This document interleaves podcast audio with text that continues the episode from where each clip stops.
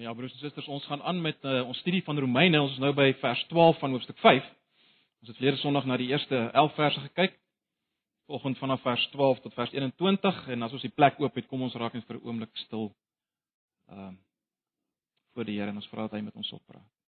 Ja Here, ons verwagting is nou van U. Ons het nou U lof besing, U groot gemaak. En nou is ons gebed dat U met ons sal praat deur die woord en deur die werking van die Gees. Ag Here, ons ons gebed is maar net dat U deur dit wat ons vanoggend weer gaan sien opnuut maar net ons opgewonde gaan maak oor U self en U werk en dit wat U kom doen het in hierdie wêreld en dat ons kan deel wees daarvan. Dis my gebed. En as ons uiteindelik vanoggend ook die tekens gaan gebruik om ons geloof te versterk, wil U in die midde daarvan wees en dit gebruik tot eer van U self. Tot uitbou en opbou van U koninkryk in en deur ons. Asseblief Here, dis ons gebed in hierdie oggend. Kom hoor ons op grond van wie U is vir ons in ons plek. Asseblief in Jesus se naam. Amen.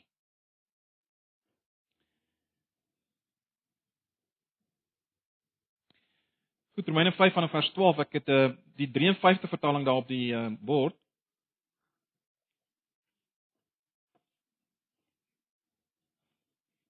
Nou daar's nie groot verskille nie. Ek glo almal sal kan volg ook as jy die 83 vertaling lees of Engelse vertaling. Kom ons bly dan maar by die by die 53. Daarom vers 12 soos deur een mens die sonde in die wêreld ingekom het en deur die sonde die dood en so die dood tot alle mense deurgedring het omdat almal gesondig het. Want voor die wet was daar al sonde in die wêreld, maar sonde word nie toegereken as daar geen wet is nie tog het die dood geheers van Adam af tot op Moses. Ook oor hulle wat nie gesondig het in die gelykheid van die oortreding van Adam nie, wat 'n voorbeeld is van hom wat sou kom. Maar dit is met die misdaad nie soos met die genadegawe nie. Want as want as deur die misdaad van die een baie gesterf het, veel meer het die genade van God en die gawe deur die genade van die een mens, Jesus Christus, vir baie oorvloedig geword.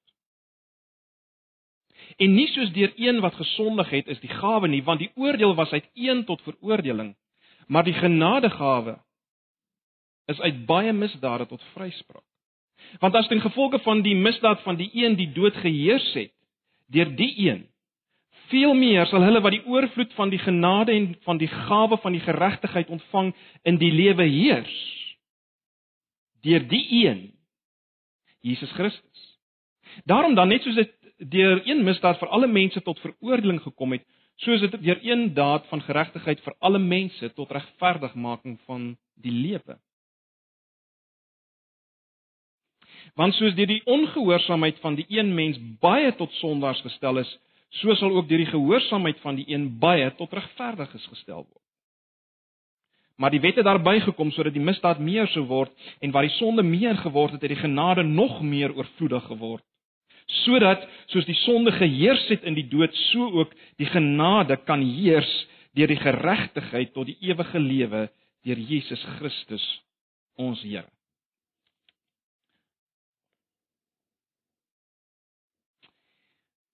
Ek wil net vir 'n oomblik uh in jou geestesoog Hiroshima sien na die atoombom ontploffing. Dink vir 'n oomblik aan Hiroshima na die atoombom ontploffing.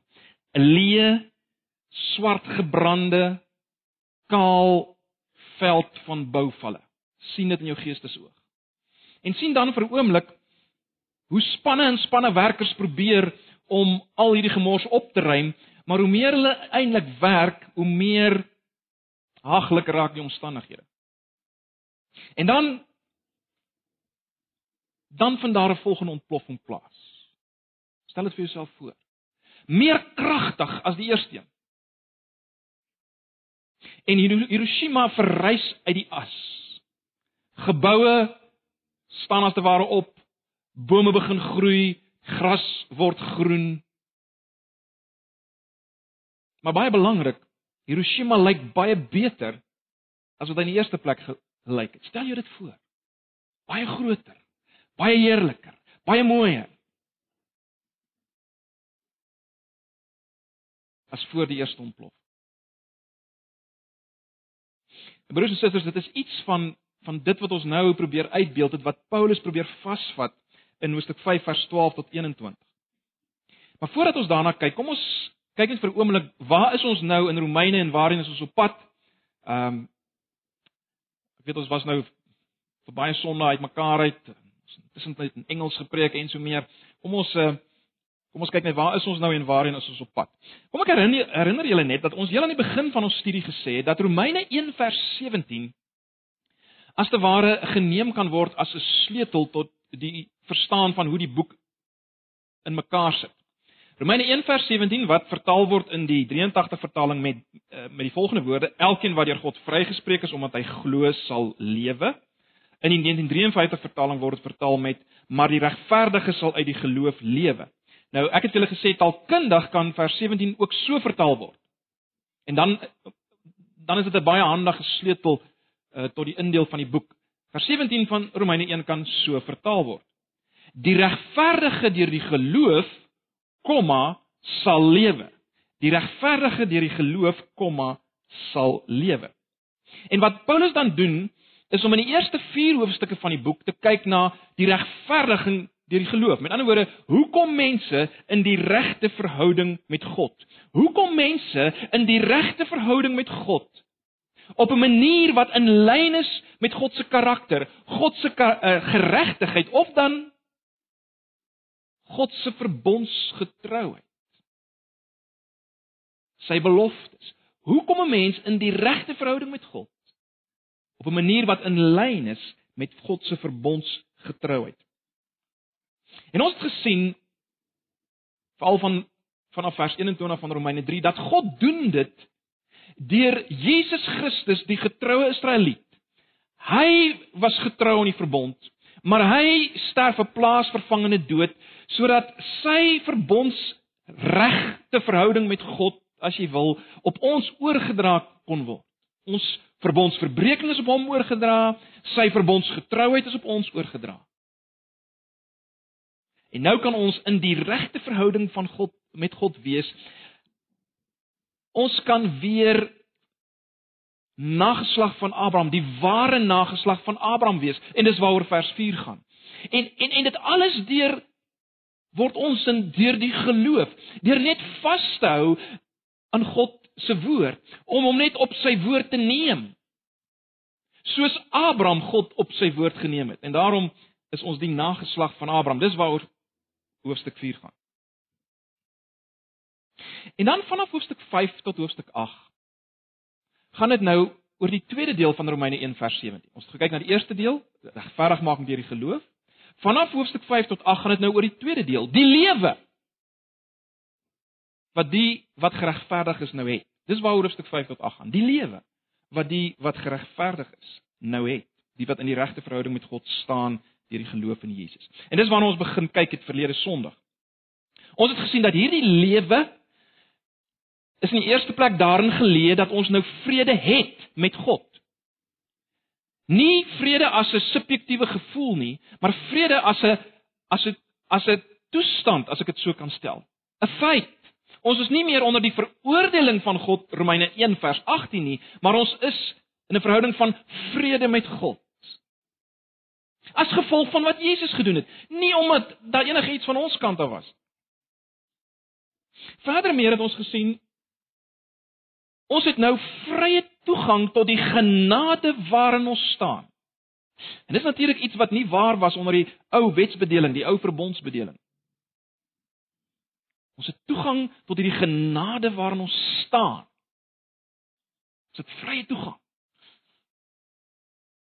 Nou die genade waarvan hy praat, het ons mekaar gesê, dui nie daar in in in in Romeine 5 op uh op God se genade teenoor ons nie. Dit dit dit dui meer op die toestand waarin ons is.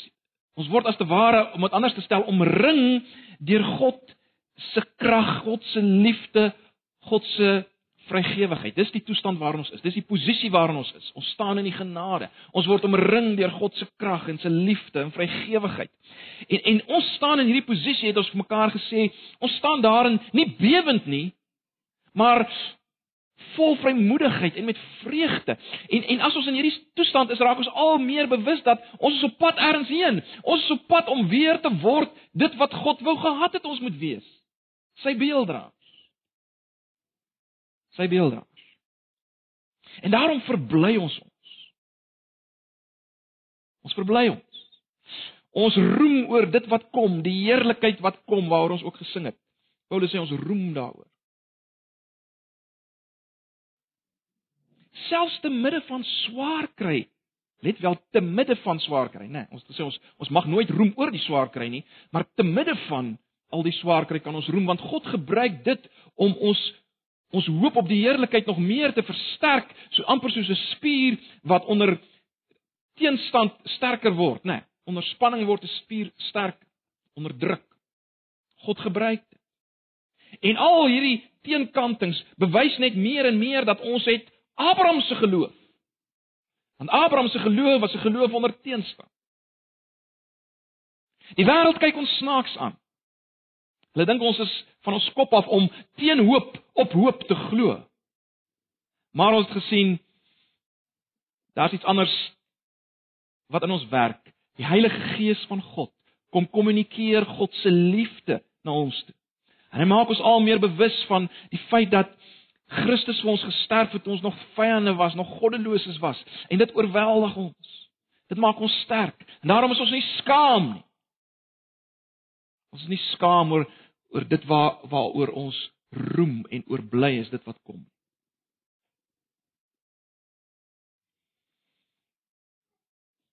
Met ander woorde, ons kan sê hoofstuk 5 vers 1 tot 11 waaroor ons nou gepraat het, wys vir ons wat is die konsekwensies van om in die regte verhouding met God te wees?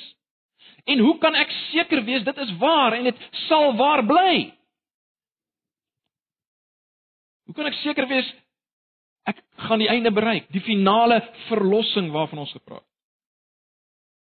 So dis waar daaroor hoofstuk 5 vers 1 tot 11 gaan. En as ons nou vorentoe kyk, kan mens amper sê dat dat Paulus die hele hoofstuk 5 tot hoofstuk 8 opsom in hoofstuk 5 vers 1 tot 11. Gaan dink maar daaroor. Maar nou. Broers en susters, daar's natuurlik altyd die gevaar dat ons uh so kan konsentreer op op dit wat ons as individue verkry deur dit wat Jesus gedoen het, hierdie nuwe posisie. Ons kan so vaskyk daarin, daarteen. En dit is wonderlik om daaroor te dink en ons daaroor te verheug, maar ons kan maklik die groter prentjie vergeet. En ons kan maklik vergeet dat ons deel is van 'n 'n groter prentjie wat uit meer bestaan as net ek en my verhouding met die Here. En dit is wat Paulus as te ware in vers 12 tot 21 doen, die gedeelte wat ons gelees het. Paulus gee daar as te ware 'n voelvlug oorsig oor die hele geskiedenis tot en met waar hy homself nou bevind. En dis waarna ons gaan kyk vir oggend, maar net voor ons daarop insak, kom ons kyk net weer vorentoe. Vorentoe in die boek. Baie interessant. Uh in die volgende hoofstukke, hoofstuk 6 tot 8, behandel Paulus dan weer dinge wat voorkom in hierdie groot verhaal wat hy beskryf in vers 12 tot 21, né? Nee, uh byvoorbeeld in hierdie groot verhaal waarna ons vanoggend gaan kyk, kom die hele saak van sonde voor. En in hoofstuk 6 gaan Paulus nou daarmee werk. Die hele saak van die wet kom voor in hierdie groter verhaal en in hoofstuk 7 gaan Paulus daarmee werk en insak daarop. En dan die hele saak van uh lewe en heerskappy van die genade wel dit kom ook voor ons gaan vanoggend dit sien in hoofstuk 5 vers 12 tot 21 en in hoofstuk 8 gaan Paulus weer daarop konsentreer. So, jy sien waar, waarmee is hy besig? gee nou oorsig oor hele geskiedenis en dan vat hy sekere onderwerpe en hy zoom daarop in in die volgende hoofstuk. Maar kom ons kom nou terug na hoofstuk 5 vers 12 tot 21.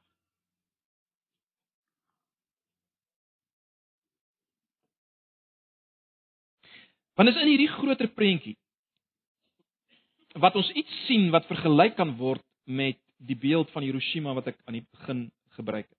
So kom ons kyk na na die vloei van hierdie gedeelte aan die hand van 'n paar opskrifte en ek het dit daar op julle op julle ehm uh, preekraamwerk uitgedruk. In die eerste opskrif wat ek gegee het is ek, jy, Adam en die vernietigende ontploffing. So ek sin speel nou op die beeld wat ek gebruik het, né? Nee, kyk net na vers 12. Deur een mens het die sonde in die wêreld gekom en deur die sonde die dood en so het die dood tot alle mense deurgedring omdat almal gesondig het. Deur een mens het die sonde in die wêreld ingekom. Nou ons ken die verhaal goed, né? Nee. Uh die verhaal van van Adam en Eva. Ons weet presies wat daar gebeur het. Ons leer dit uh van kindsbeen af. Die probleem is dat ons dit so terloops kan neem, né? Nee. En en veral is die probleem dat ons kan dink, kyk, dis Adam. Dit is sy probleem. Dis sy probleem. En wat Paulus nou hier kom doen is om te wys dat ons juis dit nie kan doen nie. Ons kan nie as te ware terugsit en sê kyk dis wat Adam gedoen het. Ons het nou reeds gekyk na vers 12 waar Paulus sê deur een mens het die sonde in die wêreld gekom en deur die sonde die dood en so die dood tot alle mense deurgedring. Kyk ook na vers 15. Deur die oortreding van een mens het baie gesterf. Vers 19 soos baie deur die ongehoorsaamheid van een mens sondaars geword het. Wat Paulus bedoel, wat hy heel letterlik bedoel en ons sal nou daarop ingaan, is dat die dag toe Adam misluk het, het ons almal misluk. Ek sê dit weer, die dag toe Adam misluk het, het ons almal misluk. Sy val was ons almal se val, sy skuld was ons almal se skuld. Na Adam staan almal, elkeen skuldig voor God. Omdat jy bloot omdat jy 'n Adams kind is as ek dit so kan stel. En daarom het ook ons nie 'n kans nie. Soos Adam moet ons die doodstraf kry. Ons staan onder die doodsvonnis. Al maak ons wat? Maar miskien sê jy, "Wag, wag, wag, wag. Dit dit klink 'n bietjie klink net nie reg nie. Dit klink onregverdig. Hoe moet ons dit alles verstaan? Hoe moet ons dit verstaan? Is dit 'n biologiese kwessie? Met ander woorde, omdat die mensdom biologiese eenheid is, word sonde en dood as te ware van geslag tot geslag oorgedra. Dit word as te ware om die beeld te gebruik ingeteel. Is dit soos ons daaroor moet dink? Word sonde en dood as te ware ingeteel? Of is dit 'n omgewingskwessie? En dan woorde deur armse sonde het hy 'n omgewing geskep waar sy waar sy kinders nie anders kan as om te sondig nie en hierdie kinders skep weer 'n omgewing waar hulle kinders nie anders kan as om te sondig nie. En so gaan dit aan en aan. So die vraag is is my sondigheid en my sterflikheid is dit maar die produk van my genetiese of sosiale erfenis? En en en as dit Paulus se bedoeling was dan dan laat ons Paulus heel modern klink, nê, nee, want ek meen genetiese en sosiale faktore as die oorsaak van mislukking dit klink heel modern en heel in. Maar ek dink tog dat ons as moderne lesers mis gewoonlik 'n baie belangrike feit in verband met Genesis 3. En daarom mis ons Paulus se bedoeling.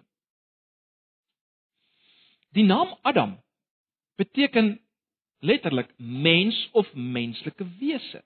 Uh net so terloops die vertalers het nogal gesukkel om te weet wanneer moet hulle die woord Adam, die Hebreëse woord vertaal met mens of menslike wese en wanneer moet hulle dit as 'n persoonsnaam Adam vertaal?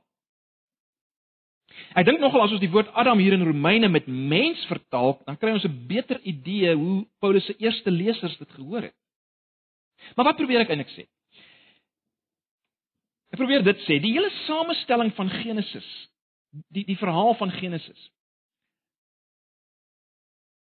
Of laat ek dit so stel, in die hele samestelling van die Genesis verhaal is die gedagte, die idee ingeweef dat Adam meer is, baie belangrik, dat Adam meer is as 'n geïsoleerde individu. In 'n sekere sin is Adam mens. Adam is die mens. En daarom as God die mens waarsku dat as hy eet van die boom van kennis van goed en kwaad, dan sal hy sekerlik sterf, dan was hierdie waarskuwing waarskynlik ook 'n waarskuwing van universele dood. Die mens sien julle word aangespreek. En dit is baie belangrik. Met ander woorde, Paulus praat hier, broers en susters, oor die manier waarop God met ons as mense werk. Ons moet dit verstaan. Ons moet verstaan hoe werk God met ons as mense. God het ons nie gemaak as 'n klomp los lywe wat elkeen sy eie ding doen nie. God dink nie individualisties soos ons nie.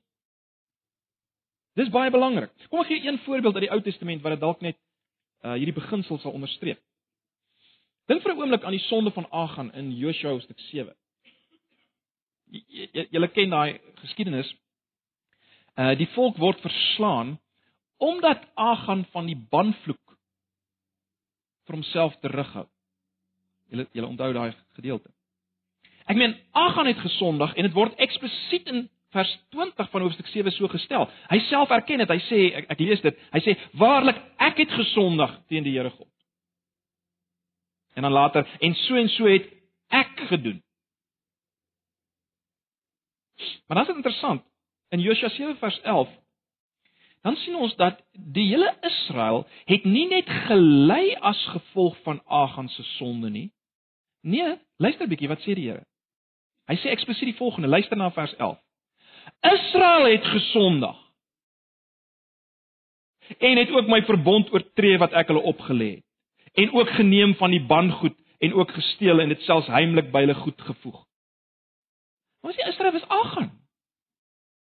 Maar die Here sê dis Israel wat dit gedoen het. Jy sien, dis hoe God werk. Dis hoe hy dink.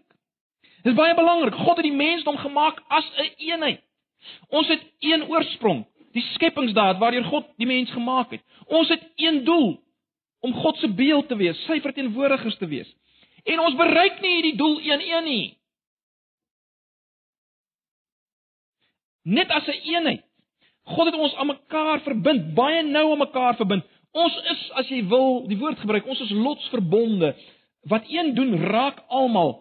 En daarom sê ek weer, ons het in en met Adam gesond. Ag, as ons net dink aan ons eie deurmekaar wêreld, sien mens iets van die van dieselfde beginsel, né? Nee. 'n Pa met 'n dank met 'n drankprobleem draas te ware of laat ek so sê, hy hy hy hy beïnvloed die hele gesin, hy maak die hele gesin as te ware siek selfs die wat nugter is. 'n Staatshoof wat oorlog verklaar. Klomp jong manne sterf as gevolg van sy besluit al het hulle hoegenaamd nie lus om oorlog te voer en geen begeerte om het, geen begeerte om dit te doen. As iemand uitvind hoe jy die atoom kan splits en en nog iemand ontwerp die kernbom en 'n derde gesiglose mens druk die rooi knoppie dan sterf baie. Dan sterf baie. Kettingreaksie. En so iets sê Paulus het gebeur in Adam. Die dag toe hy misluk het, het 'n bom gebars by wyse van spreek om terug te gaan na my beeld. 'n Bom baie skadeliker as enige kernbom, né? Nee. Die skokgolwe van daai bom ervaar ons nou nog. Die uitstraling van daardie bom maak ons nou nog siek. Dit maak ons siek letterlik tot die dood toe. En dis vers 12. Deur die sonde, die dood en so die dood tot alle mense deurgedring. Nou hierdie dood het natuurlik met meer as fisiese dood te maak as dit kom by die mens, né? Nee, dis baie belangrik. Uh die fisiese sy van hierdie dood is duidelik in vers 13 en 14. Maar in vers 18 en 19 sal julle sien baie interessant, vervang Paulus die woord dood met die woord veroordeling en die woord tot sondaars gestel. So hy vervang die woord dood met veroordeling en tot sondaars gemaak. Dis wat Dis wat hierdie daad van Adam bereik het. Dood maar veroordeling en tot sondaars gemaak. Jy sien dit gaan hier weer oor die geestelike. So die geestelike dood het ingekom en die fisiese dood as straf op die geestelike dood en as konsekwensie van geestelike dood. Dis waarvan Paulus hier praat. Dis die dood waarvan hy praat. Dit het ingekom. Maar baie belangrik, ons is nie maar net slagoffers van die Adamsbom nie. Daar vind ook iets soos 'n ketting ontploffing plaas in elkeen van ons. Uh, in elkeen van ons laat die skokgolwe van van van hierdie, kom ons noem dit die Adamsbom, 'n verdere ontploffing plaasvind met groter en groter skade. Kyk na vers vers 16. Kyk in vers 16. Uit die een oortreding het baie oortredings gevolg. sien julle hierdie hierdie kettingreaksie, hierdie skokgolwe. En as jy sukkel om dit te glo, wel kyk net rondom jou. Ons het nou gekyk na Hiroshima, gaan vat weer 'n foto en kyk na Hiroshima. Gaan kyk na die Dit wat gebeur het onder die nasies, die gaskamers, is al is bekend vir ons, né, nee, al die afgryf afgryslike fotos van die van die dode kampe. Maar dis belangrik, dis mense wat sulke ding, dinge doen. Mense soos ek en jy.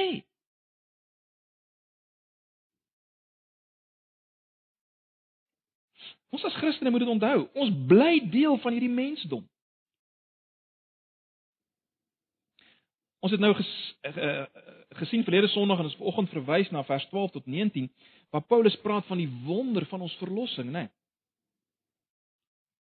Maar baie belangrik, ons redding, ons verlossing sit ons nie so apart dat ons niks meer te maak het met die met die pyn en die krisis en die toestand van die mensdom. Ons is ook nog mense en en en juis omdat ons mense is, het ons 'n boodskap vir die mensdom, vir die mense rondom ons. En dit is baie belangrik dat ons vanoggend sal hoor. Maar baie belangrik, hierdie boodskap is nie dat ons iets kan doen aan hierdie situasie deur net meer godsdienstig te word. Dink weer aan wat ek gesê het oor Hiroshima, dink weer aan daai ehm um, geskarrel van die werkers om dit te verander, maar niks gebeur nie, dit word net erger. Nou dis wat Paulus probeer uitlig in vers 13 en 14, dit die tweede opskrif waaronder ek na hierdie gedeelte wil kyk, die wet se onvermoë om die vernietiging te verander. Nou baie belangrik, ons weet met die wet verwys Paulus na die hele ou verbondstelsel, al die alles wat daarmee saamgegaan het, né? Nee, daai hele stelsel word in die Nuwe Testament die wet genoem En Paulus kom wys die wet se onvermoë om hierdie vernietiging te verander. Met ander woorde, hy kom wys die opruimingsproses het nie gewerk nie. Om die beeld te gebruik. Hy praat in hierdie gedeelte oor die wet, oor straf, oor sonde en die dood en ook oor die rol van die wet in die groter prentjie. Nou die rede waarom hy doen dit doen is waarskynlik omdat die Jode sou geredeneer het, kyk, wag wag, hoe kan jy praat oor sonde as daar nie wet is nie? Sonde maak net sin as daar die wet is. En wat Paulus dan kom wys is om te wys dat die afwesigheid van die wet, die ou verbondstelsel, het nie beteken dat daar nie sonde was in daai tyd. Aan die ander woorde dat daar nie sonde was van Adam tot op Moses voor die wet daar was. Die dood wys dit was daar. Dis die punt wat Paulus maak. Die dood wys sonde was daar. Sonde is dus ook 'n universele, ekskuus, 'n universele probleem soos dood is sonde 'n universele probleem. Dit raak nie net Jode nie en ons het ons het daaroor gepraat in die begin ook. In die begin van Romeine. Sonde is egter nie op dieselfde wyse toegereken of getel waar daar nie 'n wet is nie, sê Paulus. Uh, met ander woorde, die persoon sonder die wet wat nie onder die ou verbondsbedeling is met die wet nie, hy doen ook sonde, hy maak iemand dood of hy steel. Terwyl iemand wat die wet van Moses het onder die ou verbondstelsel lewe, hy doen hierdie sonde en hy is direk ongehoorsaam aan 'n direkte opdrag van God self. En dis erger. Dis erger. Let wel, sonde neem eintlik proporsioneel toe waar 'n mens kennis het van God se wil deur die wet, nê? Nee, en en en jy en jy sondig willens en wetens teen dit wat jy weet. Sonde neem eintlik so toe. Die punt wat Paulus maak is dat is is natuurlik dat sonde van die mensheid tussen Adam en Moses is nie ongestraf laat bly nie. Uh die dood wys dit. Die dood wys dit. Maar wat is die eintlike punt wat Paulus wil maak? En en mense kom dit al meer agter As jy nou verder gaan in Romeine dan kom jy dit baie duidelik agter. Wat is die groot punt wat Paulus wil beklemtoon? Wel die groot punt wat hy wil beklemtoon is dit. Die wet kon nie die situasie van sonde verander nie. Net soos dit nou nog nie die situasie van sonde kan verander nie. Hoe meer wet, hoe meer sonde. Die oomblik as jy weet jy mag nie iets doen nie, dan doen jy dit. Dan bring dit begeertes in jou na vore. Paulus gaan daaroor praat in hoofstuk 7. Al wat dit gedoen het, dit het die situasie vererger vererger. Sonde ag, ekskuus, die wet kon nie die probleem van sonde oplos nie. Dit het dit eintlik net erger gemaak in die groter prentjie. Ons moet raak sien, dis wat Paulus hier wil wys. Die ongelooflike is nou dat God op 'n paradoksale manier gebruik dit juis in sy groter werk. Hy gebruik juis dit om sy groter werk meer effektief te maak. En ek dink is iets daarvan wat vers 20 wil uitlig. Uh mens moet natuurlik nou vers 20 ook saam lees met sekere gedeeltes in Galasiërs. Maar ek dink wat 'n mens daar sien en ek ek wil net nou kortliks daaraan raak, ons sal later weer daaroor praat, maar wat ons moet raak sien is dat dat die wet, hierdie hele ou verbondstelsel het in God se groter plan 'n geweldige rol gespeel. En die rol van hierdie wetstelsel was as te ware om sonde duidelik te maak en uit te lig, soos 'n sonstraal wat deur 'n deur 'n venster skyn en ewe skielik sien jy die die stofdeeltjies. Die die hele wetstelsel het sonde duideliker gemaak. Hoekom? Sodat God daarmee kon handel deur Jesus, die plaasvervanger van Israel wat as te ware onder daai sonde ingegaan het en toe God daarmee gehandel. Maar goed, ek ek ek loop die verhaal vooruit en ons gaan weer daaroor praat. Kom ons kyk nou na die derde en die laaste opskrif, die laaste arm se kragtiger werk. Die laaste arm se kragtiger werk.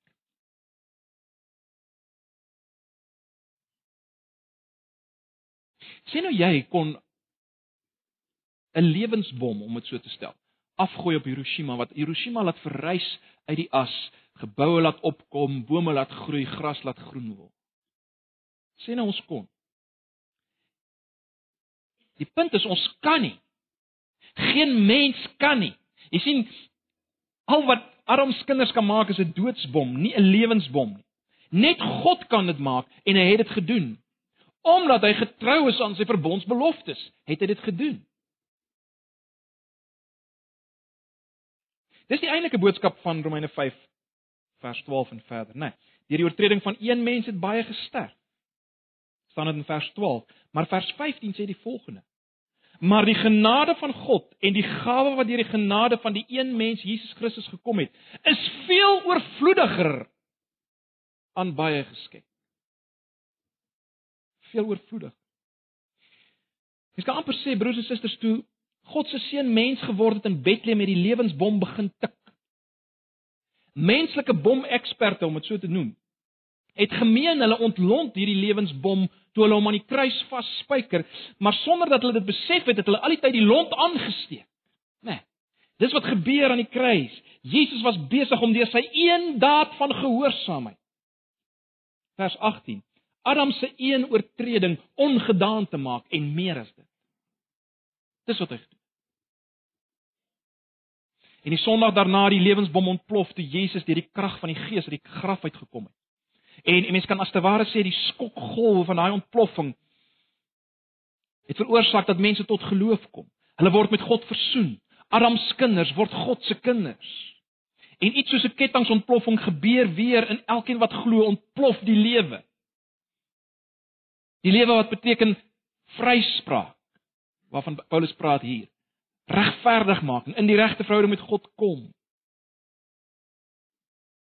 Ons word getref deur die deur die krag van Jesus se opstanding en sy gehoorsaamheid as die laaste Adam.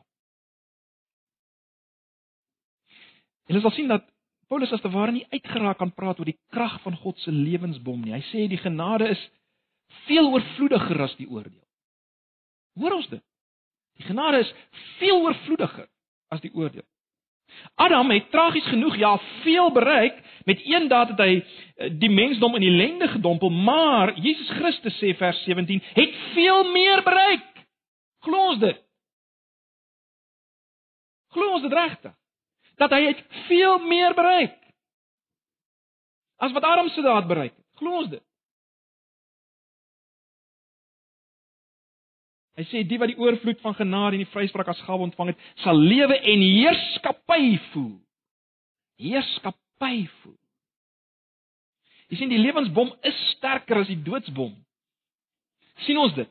Uh as jy net kyk in julle Bybels, die die analogie tussen Jesus en Adam word 5 keer deurgetrek. As mens kyk na die eerste Adam, sal jy sien hy het deur sy oortreding waarvan vers 15 en 18 praat en sy ongehoorsaamheid waarvan vers 19 praat, het hy wat veroorsaak? Wel het sy mense in die dood gedompel of die dood oor hulle laat kom vers 15 en 17. Hy het oordeel en veroordeling gebring vers 16 en 18. En hy het mense in sonde gestort vers 19. Dis die dis die eerste Adam. Die tweede Adam het deur sy daad van gehoorsaamheid waarvan vers 18 en 19 praat, vir sy mense genade en die genadegawe van God gebring, vers 15 en 17. Hy het vryspraak gebring of dan mense in die regte verhouding met God gebring, vers 16 tot 18. Hy het lewe gebring, vers 17 en 18. Hy het heerskappy gebring, vers 17. Die belangrike ding wat ons moet sien broers en susters is dat Jesus as die laaste Adam kanselleer nie net uit dit wat die eerste Adam gedoen het en bring dieselfde nie. Die belangrike ding wat ons moet raak sien hier is die meer. Vers 17. Wat Christus gedoen het is meer. Die woord oorvloedig word gebruik in vers 15 en 20. Die heerskappy van genade deur regverdigmaking is meer en kragtiger as die heerskappy wat sonde en dood gevoer het. sien ons dit? Ons moet dit sien. Ja, dit is baie interessant, dieselfde woorde word gebruik. Baie, baie, almal, almal. Maar hierdie kant meer oorvloedig. sien dit raak. Hoe ons moet wegkom van 'n eng denke af. Ag, is net 'n paar mensies wat gered word en eintlik o, kyk hoe ellendig is die wêreld. Ons moet anders daaroor dink. Maar kom ons maak net 'n paar enkele punte van toepassing. En die eerste punt wat ek wil maak is net dit: sien opnuut aan wie se kant lê wat. Dis hoe ek dit formuleer. sien weer aan wie se kant lê wat. Wat probeer ek daarmee sê?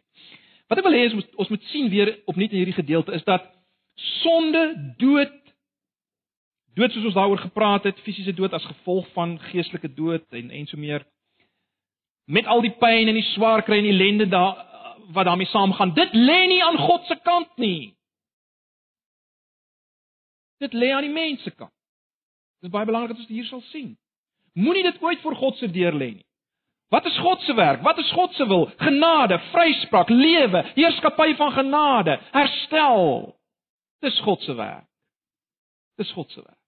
Dis die hele doel van die menswording. Om dit te kom doen, herstel te bring, lewe te bring, dood uit te kanselleer, pyn, lyding, smart op te hef. So maak seker dat jy goed verstaan aan wie se kant lê wat. 'n Tweede punt. As jy steeds dink is onregverdig dat ons skuldig staan en ly as gevolg van die eerste mens, verander jou denke. Dink so daaraan. Net so onregverdig in aanhalingstekens soos dit mag klink dat een mens se daad toegereken word vir almal en almal as gevolg daarvan ly. Wel, net so onregverdig is dit dat ek en jy deur een mens, Jesus, die laaste Adam se daad van gehoorsaamheid kan lewe en die regte verhouding met God kan wees en alles wat daarmee saamgaan. Net so onregverdig.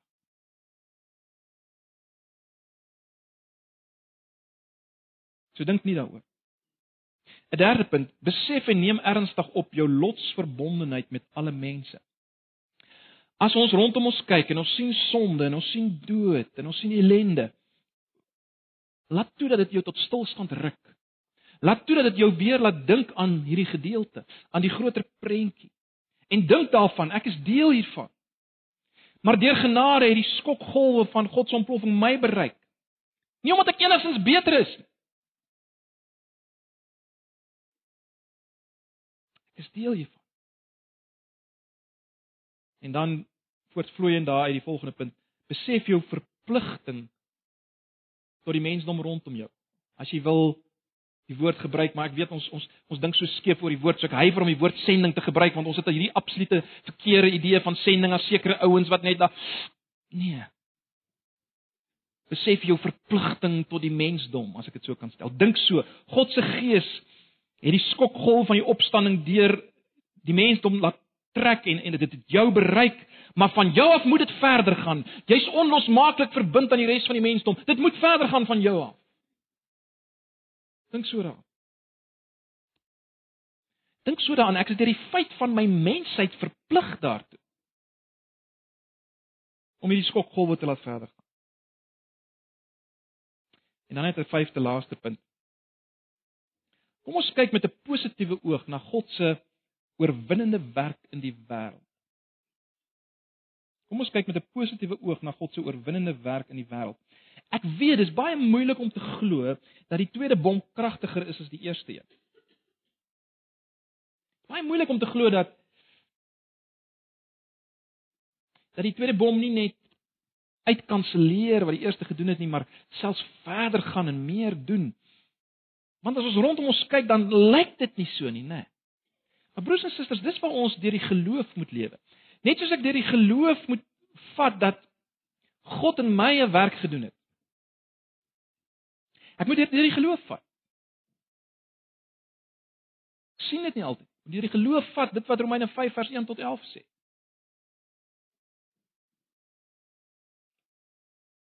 vat deur die geloof die feit dat genade my lewe gewen het teen sonde, dat die lewe wat God my gee sterker is as as die dood wat ek verdien. En as God dit met my kan doen, wel, dan kan hy dit doen in die persoon langs my. En en met baie baie ander kan hy dit doen. Ag broers en susters, kom ons kyk meer positief na na wat God doen, gedoen het en besig is om te doen. Ek wil hê uh, Louis, as jy net vir ons daai een ek net hier 'n inskuifie wat ek wil hê julle moet na kyk. Ehm um, ek was uh in hierdie week net daar by uh by OM se kantoor en toe die persoon vir my die uh prentjie gewys. Dis die wêreld daai. Jy sal sien daar's basies drie kleure, rooi wat jy nie regtig kan sien nie. Dis al wat wat die rooi of rooi brein is is daar in Europa en daar uh hier onder in Nieu-Seeland en daar aan die aan die aan die kant van uh, aan die kant Rusland daar aan die ander kant van Aas daar is 'n stukkie stukkie rooi. So as rooi, daar's geel en daar's blou. Die rooi gedeeltjies dui aan waar die evangeliese Christendom agteruit gaan verminder. En dis soos ons sal sien daar in Europa, Nieu-Seeland en daar daarbo uh soos aangedui op die kaart. Waar die groei van evangeliese Christene stadiger is as die land se groei van populasie, die populasie se se groei, is is die geel, soos jy sien daar in Noord-Amerika en dan 'n paar ander kolle daar in Afrika, die Midde-Ooste en so meer.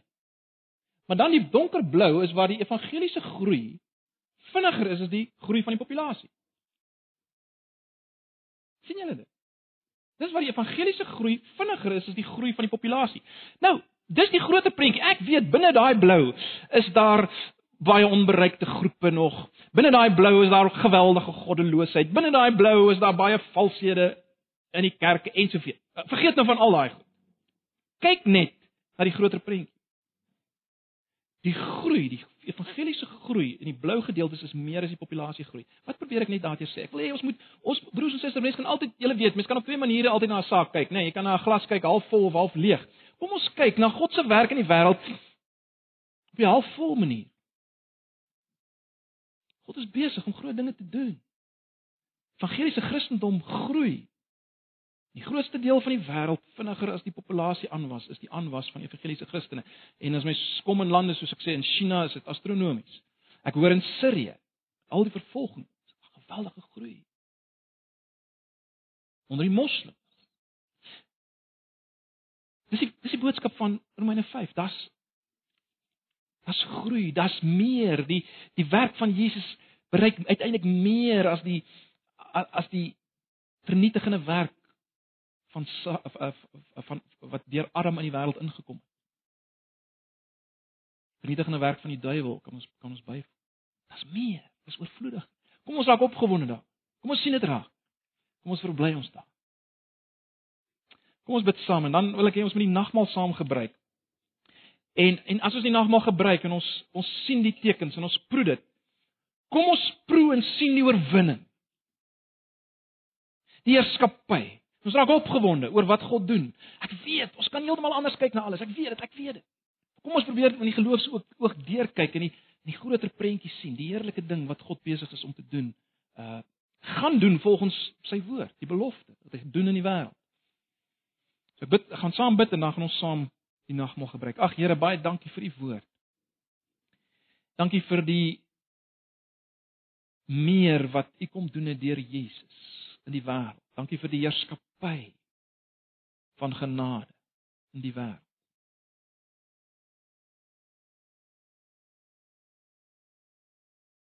Dankie dat ons kan deel wees van u triomftog, soos hier dit eh, soos Paulus dit stel in in Korintiërs. Ons is deel van die triomftog voer ons saam in u triomf. Nie omdat ons enigstens dit werd is maar uit deur die genade, die werk van Jesus. En ag Here, wil U vir ons elkeen gebruik om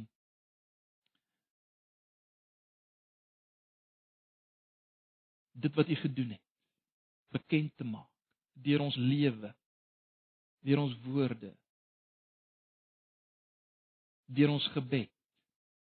Asseblief Nou wil ek vra dat U ons ook sal bemoedig en sal versterk deur hierdie tekens op 'n op 'n nuwe manier ook vanoggend. Ons vra dit net in Jesus se naam. Mag nou die genade van ons Here Jesus wat heerskappy voer, julle elkeen wees in die liefde van God en ook die gemeenskap van sy Gees julle deurdra, julle vashou in die pad wat julle gaan loop in hierdie dag en die week wat voorlê. Amen.